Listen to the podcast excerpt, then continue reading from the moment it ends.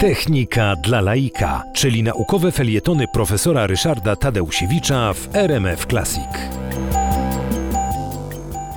Wirusy y, komputerowe to programy, które wnikają do naszego komputera najczęściej z internetu. On y, tak jest zaprogramowany właśnie przez tego złośliwego twórcę, że po pierwsze jest niewidoczny, więc w związku z tym sprawdzając na przykład katalog kopiowanych plików, nie zobaczymy, że wśród nich jest wirus, a on się jednak skopiuje i przedostanie do naszego komputera. Co gorsza, wirusy komputerowe mają tą właściwość wzorowaną na żywych, prawdziwych wirusach, że potrafią się rozmnażać i rozsyłać swoje kopie y, no, po całym świecie.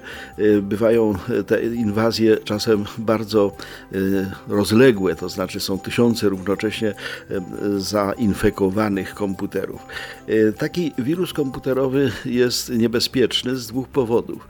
Po pierwsze, że może ewentualnie prowadzić jakieś, jakieś zniszczenia na, na komputerze. Bardzo często są wirusy, które niszczą niszczą zawartość dysku, y, zniekształcają określone y, oprogramowanie. Są też takie, które na przykład y, kodują w sposób znany tylko twórcy tego wirusa wszystkie nasze dane i potem dostajemy list, mail, że owszem, jeżeli chcemy dostać się do swoich własnych danych, no to musimy jakiś tam haracz zapłacić. Jest to normalna, normalny rozbój, no ale właśnie niestety takie rzeczy się dzieją. Może dwa słowa na temat historii wirusów. Takim pierwszym, bardziej znanym wirusem, który się rozprzestrzenił właściwie prawie na cały świat. To był wirus y, o nazwie Dark Avenger. Podobno powstał w Bułgarii, ale nikt tego do końca nie wie, bo oczywiście twórcy wirusów ukrywają swoją tożsamość. Y, w 1980 roku była po prostu panika przed tym wirusem Dark Avenger.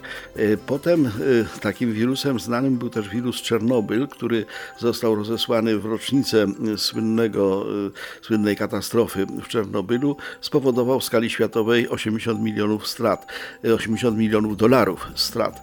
Natomiast y, czym się bronić? Jak, jak się bronić? Otóż y, są programy antywirusowe, które działają na dwóch zasadach. Y, po pierwsze, potrafią nie wpuścić takiego wirusa, jeśli rozpoznają go oczywiście, a po drugie są takie programy diagnostyczno-lecznicze, to znaczy, jeżeli już mamy w komputerze wirusa i jeżeli on już narobił jakiś szkód, no to są programy, które potrafią to wyleczyć. Niestety nie zawsze to się udaje, dlatego po prostu strzeżmy się wirusów komputerowych.